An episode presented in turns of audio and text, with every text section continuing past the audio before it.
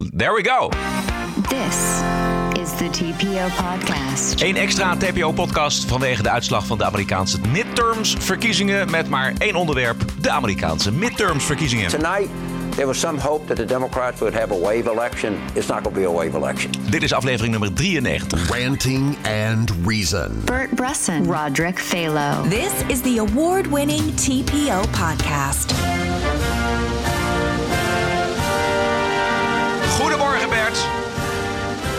Yes! Beetje geslapen? Nee, maar dat is niet omdat ik eh, de midterms heb gekeken. Nee, wat, wa- hoe komt dat dan? Weet ik niet. Weet ik niet. Ik ben soms zo eh, last van insomnia als de neten. Ah, vervelend.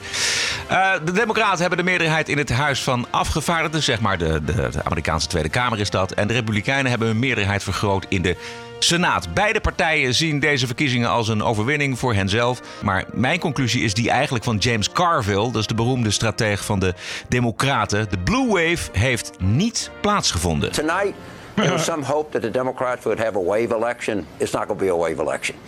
Uh, it could still be a good election. You know, there's a lot of a lot of drama left in Florida. Some of the stuff I saw out of Texas that uh, Carnegie put up there, particularly Williamson County, I thought was was encouraging. But you know, there's still a lot of a lot of politics left. The aspiration to pick up a lot of seats doesn't seem like it's coming to fruition. A lot of them will be close, and uh, there's still a good chance that the Democrats win the House. But I, I see the chances of, of a wave kind of dissipating every time I see something on the board. Ja, dit is de man achter de term It's the economy stupid. En de man achter de overwinning van Bill Clinton in 1992. Het is geen Blue Wave volgens mij, Bert. Nee, het is meer een soort bloeddrooglegging. Of een soort, soort, soort, eh, soort blue wave die tegen een rode dam aanslaat. Zoiets. Of misschien een, een, een little blue stream. Misschien dat. Eh, zoals het er nu voor staat, hebben ze net, net krap de meerderheid. Eh, en de voorspelling is dat ze dus nog een paar zeteltjes bijpakken. Ik zat wel te denken dat ze dan de Senaat ook ehm, moesten winnen. Althans, iets van de meerderheid moesten af, af, afstelen zeg maar, van de Republikeinen. Maar het tegendeel is gebeurd in de Senaat. Nee. De Republikeinen hebben er, hebben er zetels bij gekregen. Maar misschien... dat is- ja? Dat is pijnlijk omdat eh, de Republikeinen dus al meerderheid hadden in de Senaat.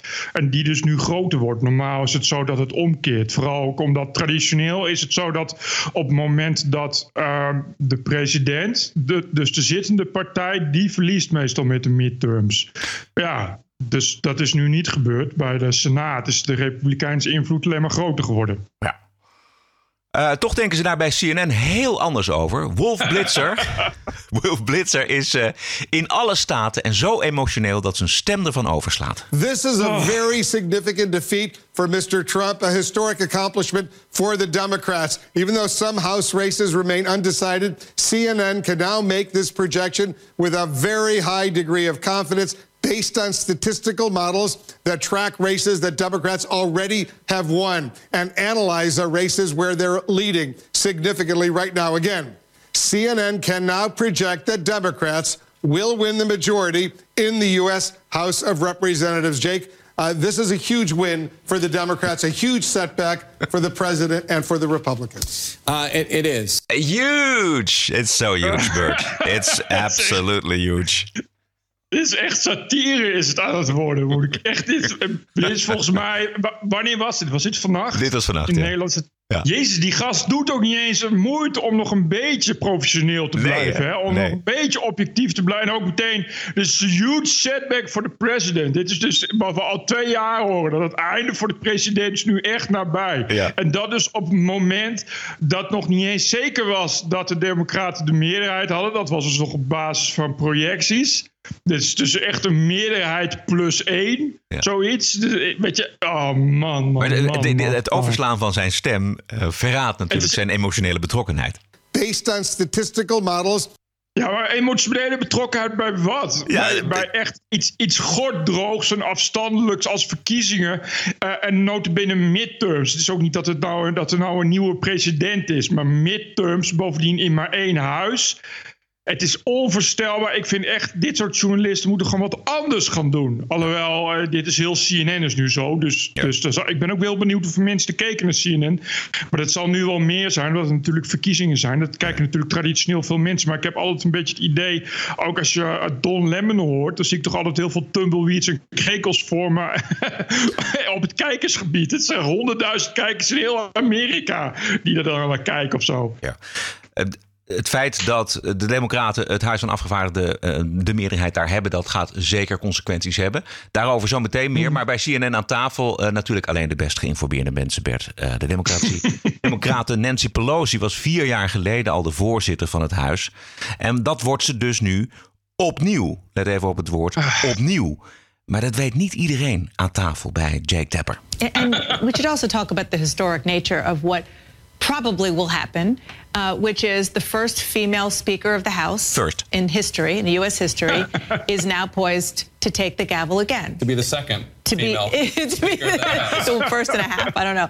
Um, Tering, echt, serieus. Ja. Dus, er is zo'n zo morele paniek dat er blijheid is over van alles. Dus, dus uh, Nancy Pelosi, oh vrouw, oh nee, wacht, wel.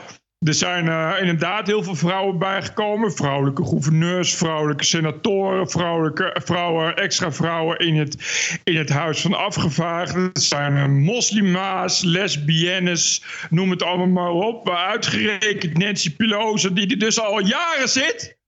Wat je toch al, zeg maar, een beetje je dagelijkse werk is. Daarnaar kijken. Dit soort mensen, dit soort mensen die kijken voor hun werk elke dag C-SPAN. Dus elke dag zien ze Nancy Pelosi met het hamertje slaan. Zelfs dat hebben ze fout. Ja, uh, jij noemt al die verschillende nieuwelingen in uh, het Huis van Afgevaardigden. Nou, dat is toch ook eigenlijk een overwinning? We have the first Muslim women, first Native American women, of, of the first black woman from Massachusetts, first Latina from Texas. It may not be a blue wave, it's a rainbow wave. It's something happening out there, and I'm happy about it. You know, can't deal with your mood swings. Hey, listen, man, it's been a roller coaster, man. It's been a roller coaster.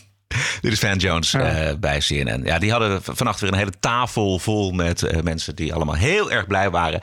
Maar misschien zijn wij wel een. een we moeten ook niet zuur worden uh, van de overwinning die de Democraten hebben gehaald, Bert. er valt heel veel op af te dingen. Er valt heel veel. Het is zeker niet die Blue Wave geworden. Maar ja, dit wordt wel lastig voor de president. want zij kunnen natuurlijk twee dingen doen. Ze kunnen tegen gaan werken of ze kunnen mee gaan werken. En als ze tegen gaan werken ja, dan komt er een hoop van de plannen van eh, Donald Trump, eh, die, die zullen niet tot uitvoering komen. Dat plus uh, ze kunnen ook weer het onderzoek naar uh, de Russian probes opnieuw weer heropenen. Dat is iets wat uh, de Democraten natuurlijk heel graag willen. Ja. in, we, in, we, in wezen. Die is nog niet afgelopen trouwens.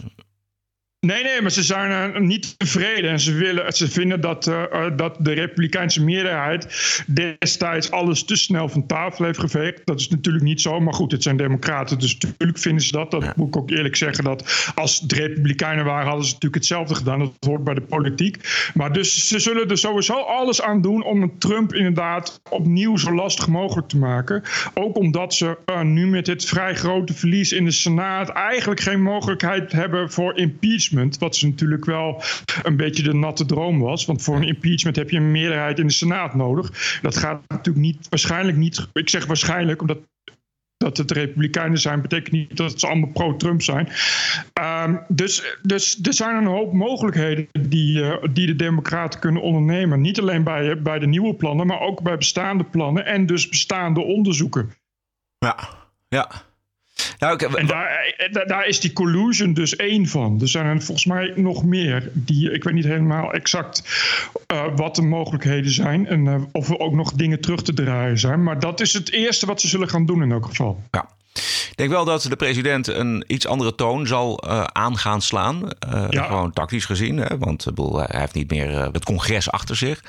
Uh, dus hij moet samenwerken met die democraten. Dus dat zal ook... Ja, ja hij, moet, hij, moet, hij moet rustiger aan doen, denk ik. Datzelfde geldt voor de Democraten natuurlijk. Nou ja, Nancy Pelosi heeft al opgeroepen om uh, inderdaad uh, samen te werken. En Trump heeft daar ook positief op gereageerd. Hij heeft daar eigenlijk ook meteen gebeld en haar gefeliciteerd met de overwinning op het huis. En gezegd van we gaan inderdaad samenwerken. Dat is natuurlijk nog maar afwachten hoe dat uitpakt. Omdat Trump, Trump is natuurlijk ook bezig met 2020. Dus die gaat op volle toon gaat hij gewoon verder. Omdat hij zijn tweede termijn uh, veilig wil stellen.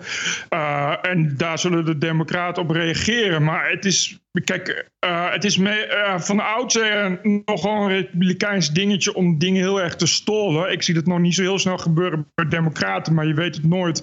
Maar het is natuurlijk wel aan de democraten om constructief te zijn. Dat is natuurlijk wel een beetje de, de boodschap die de kiezers hebben meegegeven. Die hebben toch ook voor een gedeelte met hun voeten gestemd en gezegd... wij zijn uh, het beleid van Trump zat, dus en we geven jullie dat mandaat om daar dingen aan te veranderen. Dat betekent natuurlijk ook inderdaad dat je dan wel een beetje moet gaan samenwerken. En, en die economie bijvoorbeeld, die natuurlijk prima draait, om die ook gewoon draaiende te houden. En het land, en het land op sommige onderdelen, die natuurlijk prima, prima lopen onder Trump, om dat wel uh, draaiende te houden. En als je alles gaat blokkeren en alleen maar gaat lopen blokken, dan uh, worden de kiezers daar uh, niet vrolijker van. Nee.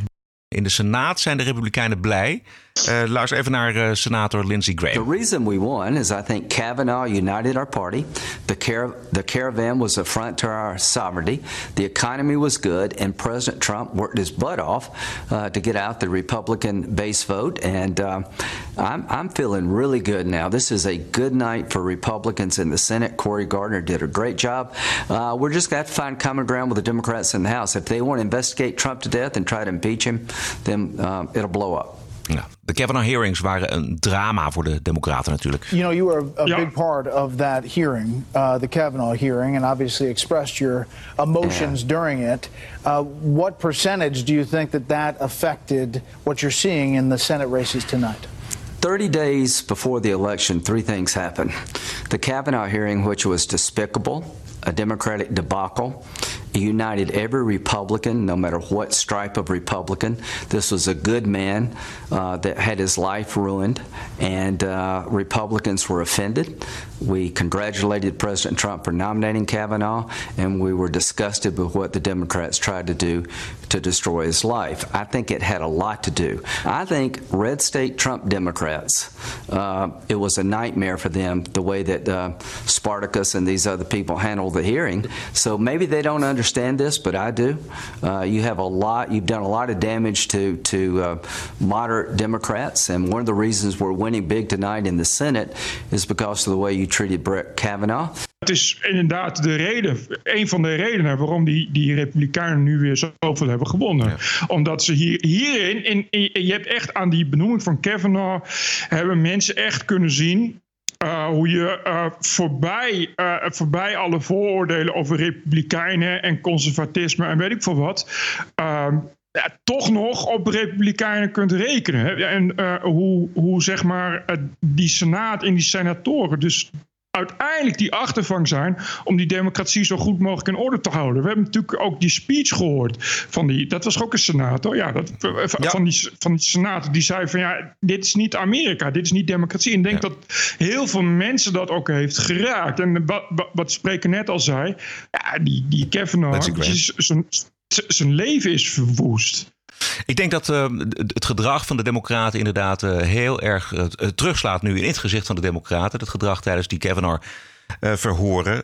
want het was bij het hysterische af op een gegeven moment. En het Juist. was puur Juist. en puur politiek gericht. Weet je wel? Er komt nu naar buiten dat er een aantal van die beweringen absoluut gelogen zijn. Ze hebben het opgeblazen. Ja. Dat, is, dat, is, dat is het hele probleem. Dat, en en het, probleem, het punt is natuurlijk dat die Amerikaanse kiezers heel veel gewend zijn. En, en in verkiezingen is dat ook geen probleem. En bij, bij uh, de strijd om de afgevaardigden in een staat is het ook geen probleem bij presidentsverkiezingen.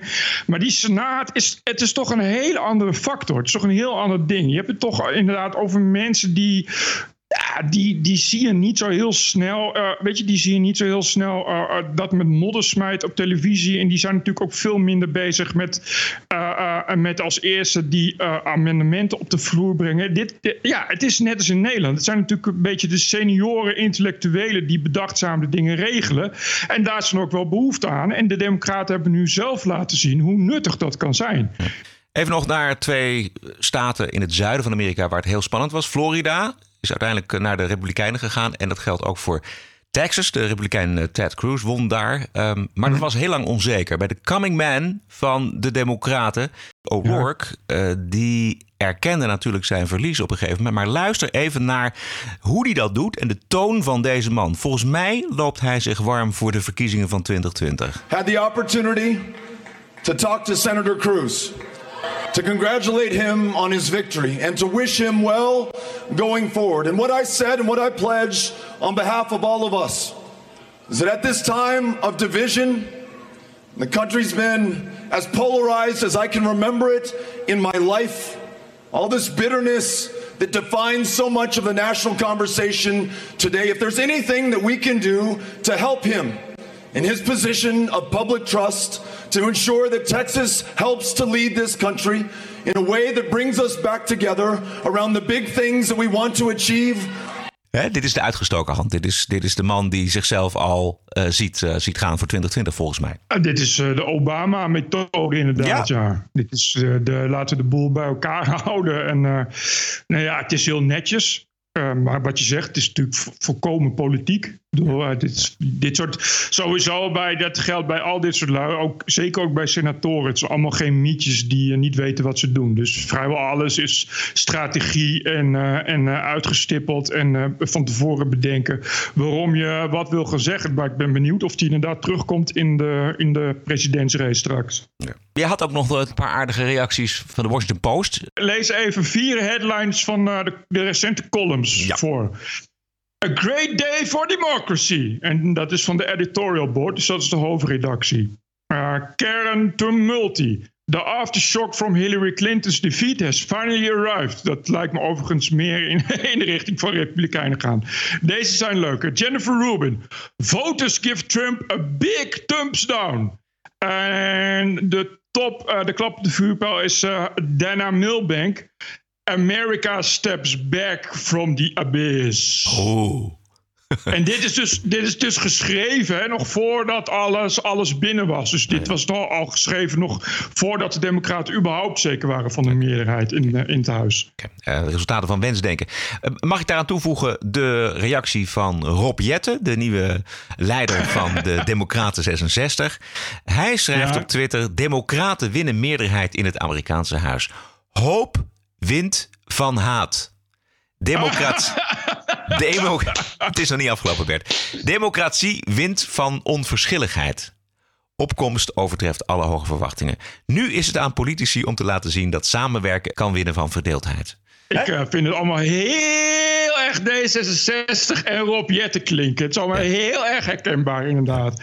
Dit is, dit is dus inderdaad ja, precies zoals je het kon verwachten. Nu krijg je weer, nu krijg je weer dagenlang, krijg je dus inderdaad hoop wind weer. We hebben, ja, we hebben de haat overwonnen. We stappen terug van de afgrond. De dagen van Trump zijn geteld. Zie je wel dat het volk zich uitspreekt tegen verdeeldheid en intolerantie. Liefde brengt ons weer samen. Uh, heeft Don Lemon al gereageerd eigenlijk? Ja, vast wel. Maar dat, nou, vanavond. Ik denk dat hij vanavond helemaal uitgebreid uh, vieren. Nou, hoe het zich allemaal gaat uh, uitrollen, dat uh, gaan we de komende dagen, weken, maanden en jaren zien. De toon van Trump zal anders worden. En de Democraten hebben nog twee jaar om inhoud en uh, een kandidaat te kiezen die Trump kan verslaan. Ik wens ze daar veel succes bij. Bert, dit was het. Nou, anders, anders ik wel. Ja, ja nee, dit, dit was het voor ons wel. Voor Amerika moet het nog. Gaat het vandaag allemaal beginnen, ja, precies. In, in, in, in nieuwe Amerika. Goed zo. Tot zover aflevering nummer 93. Vindt u dit een leuk geluid of een belangrijk geluid? Of uh, anderszins wilt u ons steunen met een donatie? Nou, dat helpt de podcast en uiteindelijk natuurlijk ook u zelf weer. Ga naar tpo.nl slash podcast. Daar vindt u de mogelijkheden om te doneren. Wij zijn terug. Het werd dinsdag 13 november. Volgende week dinsdag. Een mooie week en tot dinsdag. Oké, okay, dit was uh, kort maar krachtig. TPO Podcast. Bert Brussen, Roderick Balo. Ranting and Reason.